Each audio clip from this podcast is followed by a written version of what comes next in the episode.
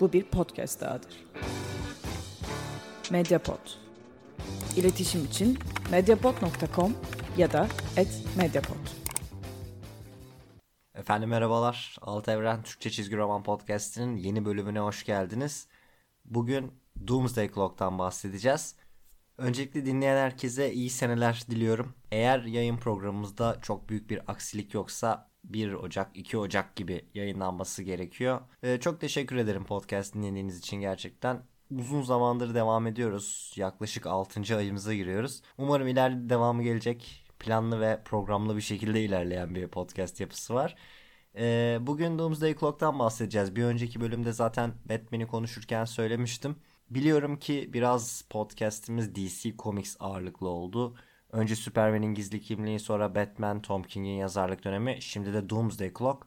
Ama hepsi gerçekten üst üste geldiği için böyle oluyor. Yani durmak bilmeden DC Comics önemli olay yaşattı bizlere.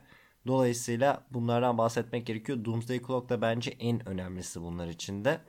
Ve en önemli olmasının birkaç tane sebebi var. Yani DC evreni açısından belki sonuçları tartışılabilir ama genel olarak mühim bir olay. Bu bölümün üçlü bir yapısı olacak. Önce Doomsday Clock nedir? Bundan kısaca bahsedeceğim. Yani kendi içinde zaten tartışmalı bir konu. Ondan sonra serinin bizi ulaştırdığı noktadan biraz bahsedeceğim. Ondan sonra da tabii gelecek için bütün bunlar ne anlama geliyor? Bunu konuşacağız. Sonunda da biraz tabii normal sohbet, fikirler vesaire kendi şahsi görüşlerim. Bunları sizlere aktarmaya çalışacağım. Hemen ana noktadan başlayalım. Biliyorsunuz Doomsday Clock DC Comics'in Watchmen evrenini, Watchmen'i kendi evrenine dahil etme projesinin ilk adımı. DC Comics Watchmen'i daha önce kullandı. Ee, Watchmen'in etkisinden, prestijinden, isminden faydalandı ve Before Watchmen isimli bir seriler grubu yayınladı. Watchmen evreniyle sınırlı kalan, Watchmen'de anlatılan hikayeyle sınırlı kalan ve bunun öncesini anlatan, daha öncesini dolduran bir seriydi. Doomsday Clock da aslında sonrasını anlatan bir seri. Pek çok insan bu işe şöyle yaklaşıyor. Birincisi şunu söyleyeyim başka bir konuya geçmeden. Watchmen'in yazarı Alan Moore bütün bu süreçten nefret ediyor. Gerek e, Watchmen'in filminin yapılmasından, dizisinin yapılmasından, e, Before Watchmen serisinin çıkmasından ondan sonra Doomsday Clock kim bilir neler düşünüyor. Yani zaten yazarının, yaratıcısının tepkisini çeken bir süreç. Ama Doomsday Clock'la Before Watchmen arasında çok ciddi bir fark var. Before Watchmen e, aslında Watchmen'e doğrudan müdahale eden ve Watchmen'in yarattığı kurgulara, mitolojilere vesaire çok müdahale eden bir seri. Before Watchmen'in bu açıdan belki de Watchmen olayının, Watchmen hikayesinin sonradan dahil edilen yapay bir bölümü olarak değerlendirilmesi gerekiyor. Doomsday Clock bence böyle değil. Yani Doomsday Clock bence Watchmen'in mirasına müdahale eden bir seri olmaktan çok bir DC Comics hikayesi. Asıl olay DC Comics karakterleriyle ilgili, asıl olay DC evreniyle ve bu evrenin yapısıyla ilgili. Hikayenin sonunda ulaşılan mesaj da bununla ilgili. Bana sorarsanız Doomsday Clock'u hani Watchmen'i bilmem ne yaptılar falan diye eleştirecekseniz zaten önce Before Watchmen'i yerden yere vurmanız gerekiyor. Ee, ondan önce de zaten Watchmen'in Watchmen dışında herhangi bir şeyle anılmasını yerden yere vurmanız gerekiyor. Yani bu biraz yani çok kolay ekonomik bir kaynak olduğu için tabii ki sömürülen bir şey e, sahip olan haklara sahip olan şirket tarafından. Ama Doomsday Clock'u biraz bunun dışında tutun derim. Çünkü Doomsday Clock aslında Watchmen'le ilgili o kadar fazla şey değiştirmiyor. Daha çok DC evreniyle ilgili bir hikaye. Yalnızca ne yapıyor? DC evreniyle Watchmen'in geçtiği evreni aynı yapı içinde bir araya getiriyor. Ve bunların birbirleriyle etkileşime girmesini sağlıyor. Burada konuyla ilgili herhangi bir negatif fikriniz varsa olmasın demiyorum. Sadece şunu söylüyorum. Yani Burada göreceğiniz her şey Before Watchmen'den sonra zaten olacaktı. Ee, asıl asıl faciayı arıyorsanız oraya bakın yani. Aynı zamanda tabii burada da kendi içinde bir facia var. Şimdi biraz Doomsday Clock'u oluşturan koşullara bakalım. Rebirth süreciyle birlikte DC Comics'in 2016'da New 52 ile birlikte yaratılan evrene bazı rötuşlar yapmak için başlattığı süreçle birlikte Watchmen'in ve daha ağırlıklı olarak Dr. Manhattan'ın bir şekilde DC evrenini müdahale etmekte olduğu yönünde bir takım ipuçları paylaşıldı. Daha sonra biliyorsunuz çok meşhur Türkiye'de de yayınlandı. Flash ve Batman serilerinde ortak devam eden bir button, düğme, rozet e, hikayesi yayınlandı. Bu Watchmen'deki gülen yüz ikonu üzerine. Ondan sonra da zaten gidişat hep Doomsday Clock'a doğruydu. Ve Doomsday Clock başladığında bütün bu DC evrenin Rebirth'le birlikte yaşadığı süreçleri bir araya getirecek, her şeyin mantıklı olmasını sağlayacak, bize bütün cevapları verecek bir seri olarak planlanıyordu. Ve tabii ki bir sürü farklı sebepten dolayı bu olamadı. Bu podcast ile sınırlı kalayım. Birkaç bölüm önce hem 2019 yılında Marvel ve DC'nin gündemi hem de 3 e, Joker meselesi, Joker'in gerçek kimliği ve 3 Joker meselesi başlıklı iki bölüm yapmıştık. Bunlarda zaten anlattığım bir süreç. Doomsday Clock'un da yazarı olan e, Jeff Jones DC Comics'in bu seri başladığında ve bu seri planlanırken en güçlü ve en etkili yazarıydı. Fakat daha sonra çeşitli sebeplerden dolayı bu rolden uzaklaştırıldı ve bu rolden uzaklaştırıldıkça kendi içinde zaten yazması devam etmesi zor olan bir seri olan Doomsday Clock 12 sayılık bir seri. Yani mantıken ayda bir sayıyla bir sene içinde bitmesi gereken bir seri olarak planlanmışken bir anda bu seri oldukça uzun bir süre boyunca yayınlanamadı. Finale ulaşması çok çok uzun sürdü. Ve tabi bütün devamlılığı bir araya getirecek böyle katı bir yapı içinde, sert bir yapı içinde oluşması gereken bir seri bir anda bütün bu işi daha da karıştıran bir hikaye haline geldi. Dolayısıyla Doomsday Clock da aslında bize pek çok açıdan aradığımız cevapları veremedi. Ama şunu söylemek gerekiyor. Doomsday Clock dediğim gibi aslında günün sonunda Watchmen'i DC evrenini bir araya getiren Dr. Manhattan'ın DC evreni üzerinde özellikle son dönem DC evreni üzerinde etkilerini inceleyen bir seriydi. Ve bu bağlamda hem DC evreni üzerinde hem de Watchmen'in içinde geçtiği evren üzerinde bir takım etkileri oldu. Şimdi size çok çok kısa bir özetini yapacağım. Yani gerçekten bir iki cümleye indireceğim bütün Doomsday Clock'u. Ee, önce Watchmen'in size konusunu hatırlatayım. Yine tabii ki özetin özetinin de özeti formatında kalıyorum. Watchmen'in konusu aşağı yukarı şudur. Watchmen bizimkinden farklı, biraz farklı bir evrende. Yine Amerika ile Rusya arasında soğuk savaşın yaşandığı ve nükleer savaşın artık kapının eşiğinde olduğu bir dönemde geçer. Zaten merkezdeki bu Doomsday Clock başlığı da yani Watchmen'de de bir olay olan Doomsday Clock başlığı da buradan gelir. O saat 12'ye geldiğinde nükleer tehdit artık öyle bir boyuta ulaşacaktır ki dünyadaki hayatı tamamen tehdit eder konuma gelecektir. E, neyse Watchmen'in konusu şudur. Ozymandias isimli bir süper kahraman o dünyanın en akıllı adamı bir plan yapar ve bu plan çerçevesinde uzaylı saldırısı gibi bir şey göstererek bin, milyonlarca insanın da hayatına mal olarak e, büyük bir olay gerçekleştirir ve bu olay tabii ki çok büyük bir kötülüktür.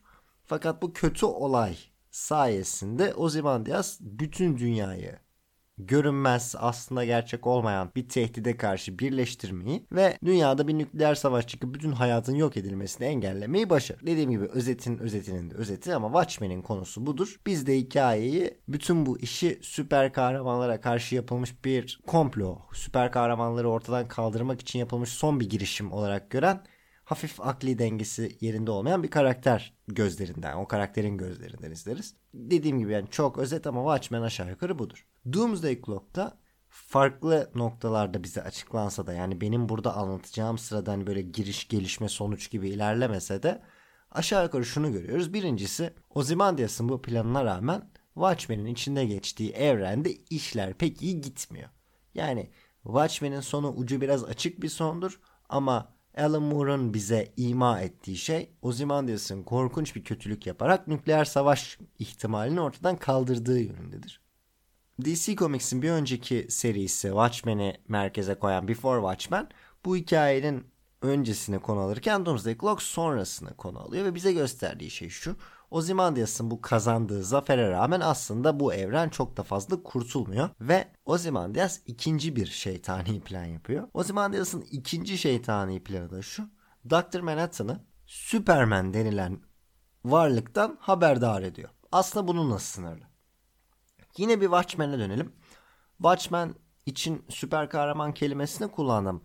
Tabi yani çok saçma bu konsept içinde. Ya yani bu konsept içinde incelemek bile saçma Watchmen'i ama e, Watchmen her ne kadar bir süper kahraman çizgi romanı, süper kahramanlara yöneltilmiş bir eleştiri çizgi romanı olsa da Watchmen'deki karakterlerden pek çoğu aslında süper kahraman falan değildir. Gerçekten süper kahraman olarak gösterebileceğimiz tek karakter. Hani belki Ozymandias'ı da biraz o kategoride değerlendirebiliriz. İnanılmaz zekasından dolayı. Ama gerçekten süper güçleri olan, gerçekten doğaüstü şeyler yapabilen tek karakter Dr. Manhattan'dır.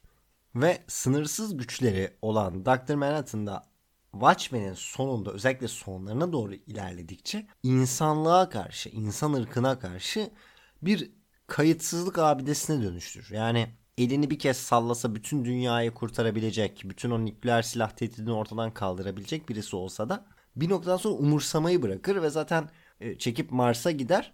Ondan sonra bütün bu olaylar gelişince bir dünyaya geri döner. Ondan sonra başka galaksilere gider. Dolayısıyla Dr. Manhattan aslında bir anti Superman'dir. Yani her şeyi yapabilecekken hiçbir şey yapmamayı seçen, bir şey yapacak kadar umursamayan bir karakterdir. Doomsday Clock da aslında bu fikrin üzerine gidiyor.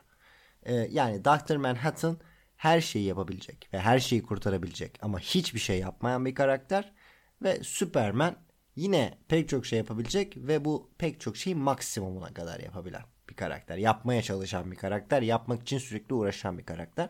Doomsday Clock'un kurgusu içinde Ozymandias bir şekilde Dr. Manhattan'ı Superman'in varlığından haberdar ediyor. Yani dediğim gibi DC evreniyle Watchmen'in içinde geçtiği evren ortak bir küme içinde bir araya getiriliyor. Ve bundan sonra Dr. Manhattan bir kişi olarak, bir karakter olarak Superman'e takıntılı hale geliyor. Ve bütün hikaye Dr. Manhattan'ın Superman denen bu varlığa, bu kişiye bakışıyla ilgili. Superman'i inceliyor, Superman'i anlamaya çalışıyor. Superman'in ne olduğunu görmeye çalışıyor. Ve tabi burada Superman'in ne olduğunu anlamaya çalışırken aslında Superman'in binlerce farklı versiyonunu görüyor. Çünkü sürekli olarak evrene müdahale ediyor, evrenin yapısını değiştiriyor. Bunu yaparak da bir anlamda işte o Rebirth'ün başlangıcında gördüğümüz o her şeye müdahale eden o mavi parmak haline geliyor. Biraz karışık bir seri şöyle söyleyeyim. Yani İnanmayacaksınız seri olarak ben yapı bakımından Convergence'a benzetiyorum. DC'nin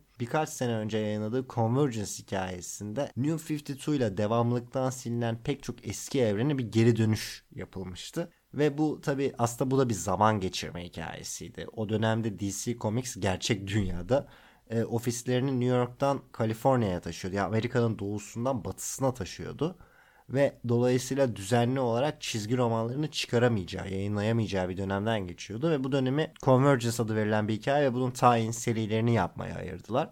Bu serilerde de işte eskiden varlıktan sildikleri eski evrenlere bir geri dönüş, bir nostaljik kuşağı haline getirdiler. Doomsday Clock da buna benziyor. Birincisi Doomsday Clock'un gerçekten çok çok yoğun bir yapısı var. Bir okurun, bir çizgi roman okurunun Doomsday Clock'u anlamak için bir kere Watchmen'i kesinlikle okumuş olması gerekiyor. Aynı zamanda Watchmen'i okuduktan sonra hani DC evrenini takip ediyor olması gerekiyor. Aynı zamanda DC evreninin pek çok var oluşunu yani işte bu Crisis hikayelerini yine podcast'ın daha önceki bölümlerinde bahsettiğimiz büyük farklı paralel evrenler arasında geçen kriz hikayelerini takip etmiş olması gerekiyor. Bunların DC evreni nasıl değiştirdiğini bilmiş olması gerekiyor. Aynı zamanda bunların çeşitli meta kurgular içinde yani hikayelere odaklanan kurgular içinde nasıl kullanıldığını bilmesi gerekiyor. Ya yani bunun içine Final Crisis'i dahil edebilirsiniz. Yine az önce dediğim gibi Convergence'ı dahil edebilirsiniz. Grant Morrison'ın geçtiğimiz yıllarda yazdığı Multiversity dahil edebilirsiniz. Yani bir sürü şeyi bir arada bilmenizi gerektiren o yüzden bana sorarsanız hani DC Comics okuru olmayan birisine işleri basit bir şekilde açıklamaktan netleştirmekten ziyade daha da çok karıştıran e, bir hikaye haline geliyor bütün olay. Dolayısıyla Doomsday Clock'un asıl olayı da bu. Yani Dr. Manhattan'ın özellikle New 52 ve Rebirth sürecinden itibaren DC Comics üzerindeki etkilerini takip eden ve daha sonra Superman'i görmesiyle birlikte kendi kayıtsızlığından vazgeçen bir figür haline getirilmesi. Doomsday Clock'un asıl konusu bu. Tabi içinde dediğim gibi 12 sayı ve çok yoğun 12 sayıdan bahsediyoruz. Bu 12 sayı içinde olup biten, devam eden bir sürü kurgu var. Watchmen'in içinde geçtiği kurgudan bize tanıtılan karakterler var. Dr. Manhattan'ın Superman'i görüp ilham almasıyla birlikte tekrar o kayıtsızlığını yenmesiyle birlikte yaptıklarının Watchmen evrenine bir takım etkileri var. Ve tabii bütün bunların ötesinde Dr. Manhattan'ın DC evrenine etkileri var. Onu da yine tıpkı hikayeyi özetlediğim gibi çok çok kısa bir özetini yapayım. Dr. Manhattan Superman'in yaptıklarını görünce onun hiçbir zaman koşullar ne olursa olsun pes etmediğini görünce onun tam anlamıyla bir böyle umut ve iyilik sembolü olduğunu görünce kendisinde Watchmen'den beri var olan umutsuzluk, kayıtsızlık ortadan kalkıyor. Umutsuzluk dememek lazım, kayıtsızlık demek lazım. Ortadan kalkıyor ve o da aslında bir şeyleri umursayan birisi haline geliyor. Ve bu umursayan birisi haline gelmesiyle birlikte kendisinin DC evreni üzerinde yaptığı bütün değişiklikleri sıfırlıyor. Burada Dr. Manhattan'ın kullandığı çok önemli bir kavram var. Şimdi biraz yine e, DC Comics tarihine girelim. Bunu zaten Crisis başlıklı podcastimizde yapmıştık.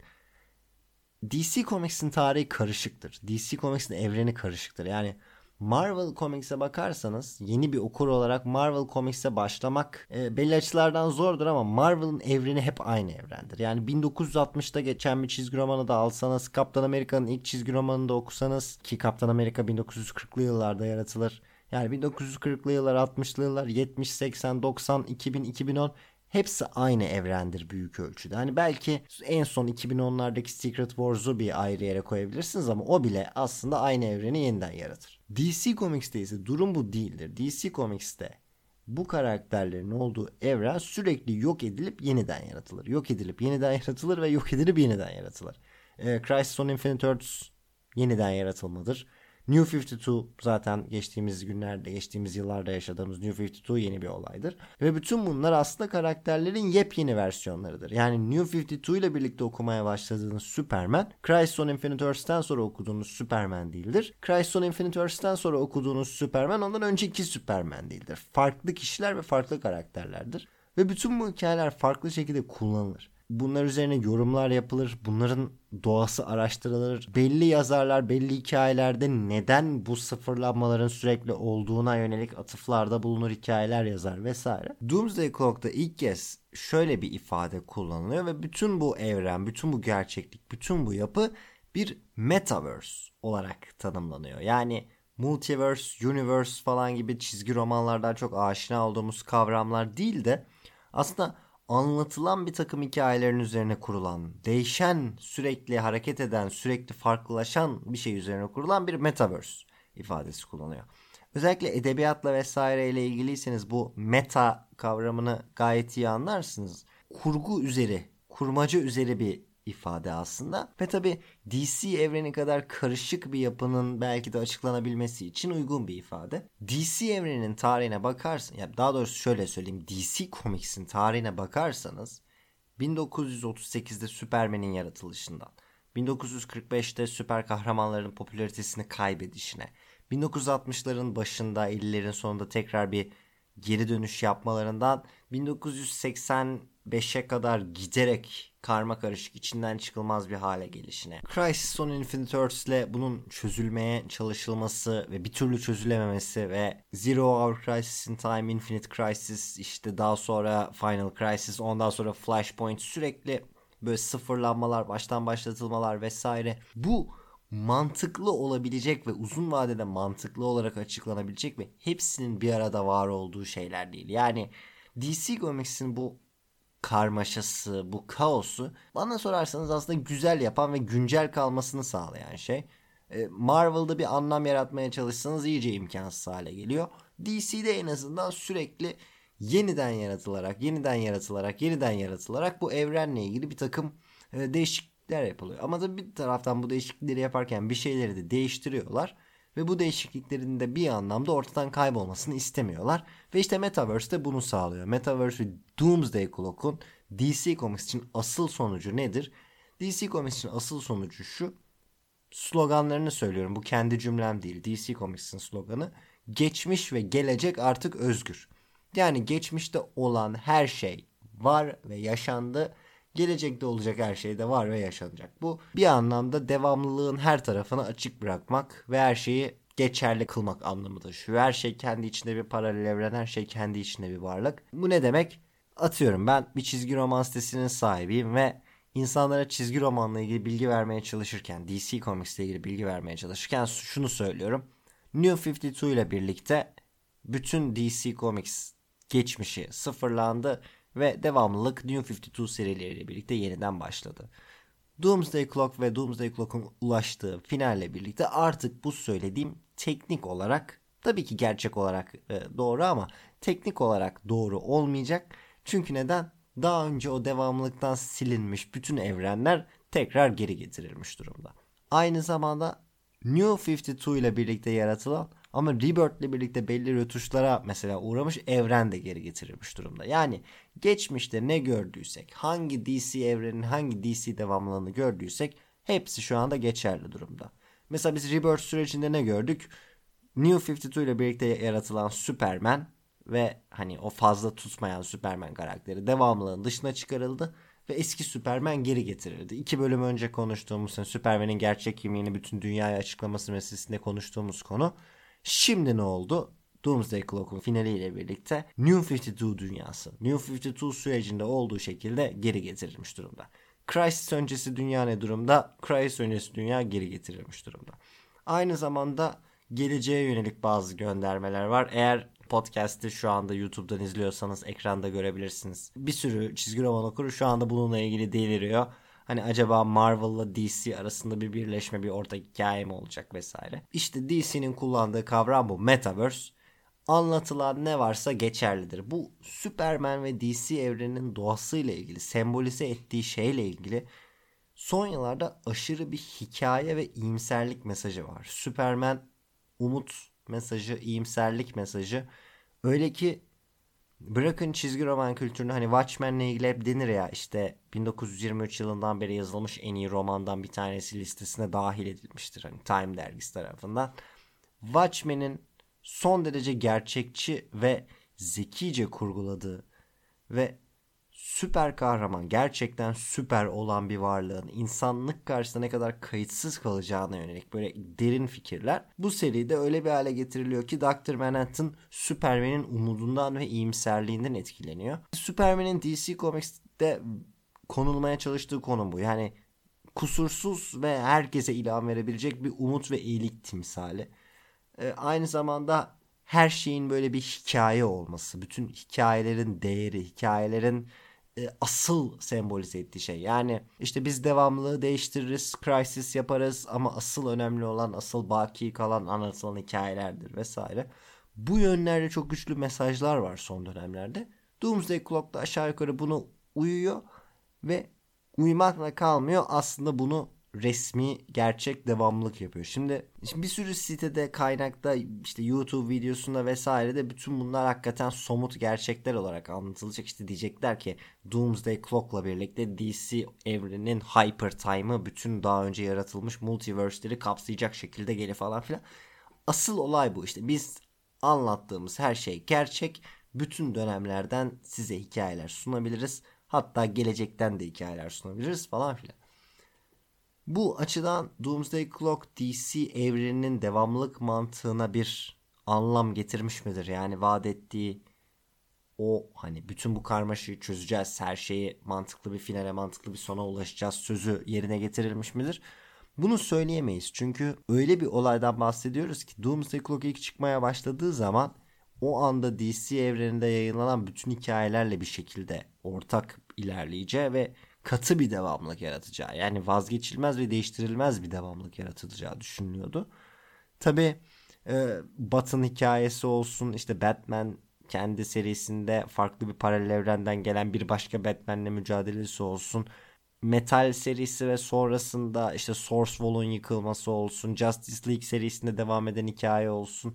Bütün bunlarla net ve somut bağlantılar kurduğu aynı zamanda yayınlanan diğer event hikayeleriyle bağlandığı çok söylenilemez Doomsday Clock'un. Ama 12. sayıyla birlikte DC Comics'in yeni gerçekliği ve bu ortaya atılan Metaverse kavramı ile ilgili bazı şeyleri ortaya koydu. Ortada ben bunları çok kesin ve çok katı bir devamlılık oluşturuldu, inanılmaz bir devamlılık yaratıldı olarak tanımlamam. Onun yerine şöyle yorumlarım DC evreninde DC Metaverse'ünde artık öyle demek istiyorsanız bundan sonra anlatılabilecek hikayelerin potansiyellerini, sınırlarını çizmiş oldu Doomsday Clock. Bu açıdan da dediğim gibi Watchmen, evet Watchmen'deki karakterleri konu alan Watchmen'deki evreni de bir anlamda merkeze koyan hikayeydi ama asıl etkisi DC evreni üzerinde oldu. Şunu söyleyebilirim DC Comics çizgi romanlarını okuyan hani Crisis'leri takip etmiş DC'nin tarihini iyi bilen bir okursanız ama Watchmen'e olan saygısızlıktan dolayı Doomsday Clock'u okumuyorsanız bence Doomsday Clock'u okuyun. Çünkü Doomsday Clock daha çok bir DC evreni ve bir Crisis hikayesi. Bir, birkaç bölüm önce Crisis hikayelerinden konuşmuştuk. Şey demiştim. Bazı hikayeler Crisis adını taşır ama Crisis değildir. Mesela Heroes in Crisis veya Identity Crisis gibi hikayeler. Bazı hikayelerde Crisis adını taşımaz ama niteliğine sahiptir. İşte Convergence gibi, Flashpoint gibi ve Doomsday Clock gibi. Yani bu hikaye aslında Dr. Manhattan'ın DC Comics devamlılığı üzerindeki etkilerini inceleyen ve daha sonra onun Superman tarafından ilham almasıyla bir anlamda bu etkilere son vermesini izleyen bir seri. Watchmen'e hiçbir etkisi yok mu? Var. Watchmen evreni kanuni olarak, hukuki olarak DC Comics'in kontrolünde olan bir şey. Dolayısıyla bu hikayeyle birlikte de Watchmen'in içinde geçtiği paralel evrende de bazı değişiklikler yaratılıyor. Orada da bazı olaylar yaşanıyor. Ve tabi Jeff Jones'un bize verdiği sinyal bütün bunların ileride kullanılacağı yönünde. Yani Watchmen ile DC evreni arasındaki devamlılığın da çok bitmediği yönünde. Ama pek çok açıdan yani şunu söyleyebilirim. Watchmen evreni zaten o Watchmen'i okuduğunuz evren olmaktan çok uzakta. O yüzden e, hani Watchmen'in devamlılığını, Watchmen'in bütünlüğünü bozdu diye bu seriye kızmak anlamsız. Çünkü o zaten hani Before Watchmen'le bozulmuş bir şey. Ve bu artık Watchmen'le ilgili değil. Yani Watchmen'i daha büyük bir çerçeve içine getirip orada eriten bir hikaye bu. İleride ne olacak, nasıl hikayelere bağlayacaklar bunu göreceğiz. Doomsday Clock başlığını koydum bu podcast'te ama bu podcast Doomsday Clock'tan bahsettiğimiz bir podcast olamaz. Before Watchmen'de de benzer bir durum vardı. Ee, Alan Moore'un Watchmen'de kullandığı edebi yaklaşım, yaptığı göndermeler, hikayenin içine koyduğu düz yazı bölümler oluşturduğu arka plan vesaire, yaptığı müzik göndermeleri bir sürü şey. Ee, hikaye içinde hikaye anlatımı. Bütün bu metotlar Before Watchmen'in yazarları tarafından da benimsenmişti. Dolayısıyla daha yoğun normal çizgi romanlara göre DC Comics'in yayınladığı hani ana akım çizgi romanlara göre e, daha kapsamlı, daha okunması e, yoğun eserlerdi. Doomsday Clock'ta da bu var. Yani 12 sayıda Watchmen'in belki evreni hakkında çok fazla şey odak noktasına konulmuyor. Dr. Manhattan karakteri hariç ve oradan gelen yeni birkaç unsur hariç. Ama Watchmen'in yaklaşımı ve anlayışı konuluyor. Buna gerek hani o 9 panelli katı yapı olsun, gerek hikaye anlatma unsurları olsun, gerek kullanılan cümleler olsun. Çok çok yoğun bir hikaye. Ee, dolayısıyla hani gerçekten bu seriyi de merak ediyorsanız, okumak istiyorsanız e, başlığa bakmayın. Yani bu bir Doomsday Clock podcast'i değil de daha çok etkilerini ve en önemli noktalarını merkeze koyan bir podcast. Mutlaka okumanız gereken bir seri. Tabi şu noktayı bir kere daha tekrarlayayım biraz Convergence'a benzetiyorum. Yani anlamak için zaten öncesinde çok fazla şey biliyor olmanız gerekiyor. Eğer bunları biliyorsanız zaten bu podcast'i dinleyip buradan bir şey almanıza gerek yok. Zaten biliyorsunuzdur benim anlatacağım şeyleri. Zaten yaşamışsınızdır, deneyimlemişsinizdir. Yok eğer bilmiyorsanız da benim 30 dakikadır burada bahsettiğim şeyler bunları anlamanızı sağlayamaz. Hani yine gidip onları önce okumanız gerekiyor. Ve tabii mesele ironik. E, mesele bir deneyim meselesi ve daha böyle yakından tanıma, hissetme meselesi olduğu için aslında hani gidip Christ on Infinite Earths'ı okudum. İşte Infinite Christ'ı okudum. Final Christ'ı okudum. Okuma sırasını takip ettim. Öyle de çok e, mantıklı olmayabilir. Yani daha böyle uzun dönem okurlara hitap eden bir seri ki bu zaten ironilerden bir başkası. Hem her şeyi yeniden yapıp her şeyi sıfırlayıp vesaire hem de hep eski okurlara anlayacakları şeyler bırakmak. Çünkü okur kitlesinin aklında çok değişmemesi Amerikan çizgi romanlarında vesaire. Bunlar giderek e, daha karışık hale gelecek ve içinden çıkılmayacak hale gelen şeyler. E, özeti şu DC evreninde Doomsday Clock'la birlikte daha önceden yaratılmış olan bütün evrenler tekrar kullanıma açılmış durumda. Hepsinin hikayeleri anlatılabilecek durumda. Buna ilk ortaya çıktığı şekilde New 52 evreni de dahil. Yani Rebirth öncesi müdahalelerin ol, yani Rebirth ile birlikte yapılan müdahalelerin olmadığı şekliyle New 52 evreni. Eski Superman, New 52'da yaratılan Superman de dahil. Gelecek içinde tabi bu şekilde crisisler, büyük olaylar vesaireler ufaktan bize duyurulmuş, fikir verilmiş durumda. Dediğim gibi bunları çok fazla ciddiye alan kelimesi kelimesine san yani 2026'nın hikayeleri 2030'un hikayeleri şimdiden belliymiş gibi bunlara inanan okurlar da oldu. o kadar net ve bilinçli bir devamlılığı olduğunu sanmıyorum DC Comics'te. Ama daha önceden ne varsa ileride ne olacaksa ucu açık. Ee, işte gelecek dediğim sadece bizim geleceğimiz olarak değil şimdiden anlatılmaya başlanan gelecek hikayeleri var. Legion of Superheroes vesaire gibi. Umarım yakın zamanda iyi bir Starman hikayesi de okuyabiliriz. Benim New 52 ile birlikte devamlılıktan silindiğine en çok üzüldüğüm şey odur. Daha böyle serbest atış bir DC evreni, bir DC Metaverse'ü var. Doomsday Clock sayesinde yıllardır bitmesini, finalini beklediğimiz Doomsday Clock'un bizi ulaştırdığı final aşağı yukarı bu şekilde oldu. Dediğim gibi kompleks bir konu ama elimden geldiğince sizlere anlatmaya, aktarmaya çalıştım. Hem gerçekten yaşananları hem de kendi düşüncelerimi. Bu bölümle birlikte DC Comics'in son dönemde yaşadığı gündem maddelerini bir anlamda bitirmiş oluyoruz. Önce Superman'in gerçek kimliğini açıklama meselesinden bahsettik. Sonra Batman'in Tom King yazarlık dönemi sona erdi. Batman serisinin durumundan bahsettik.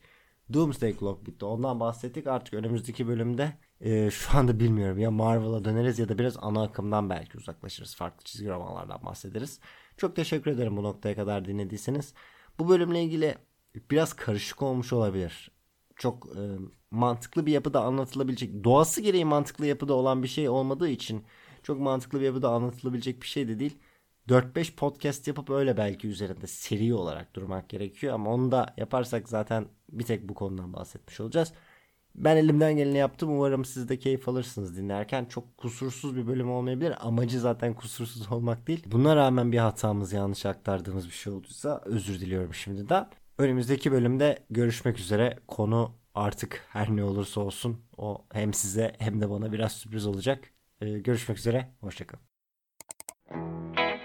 Medyapod'un podcastlerine Spotify, Google Podcast, iTunes ve Spreaker üzerinden ulaşabilirsiniz.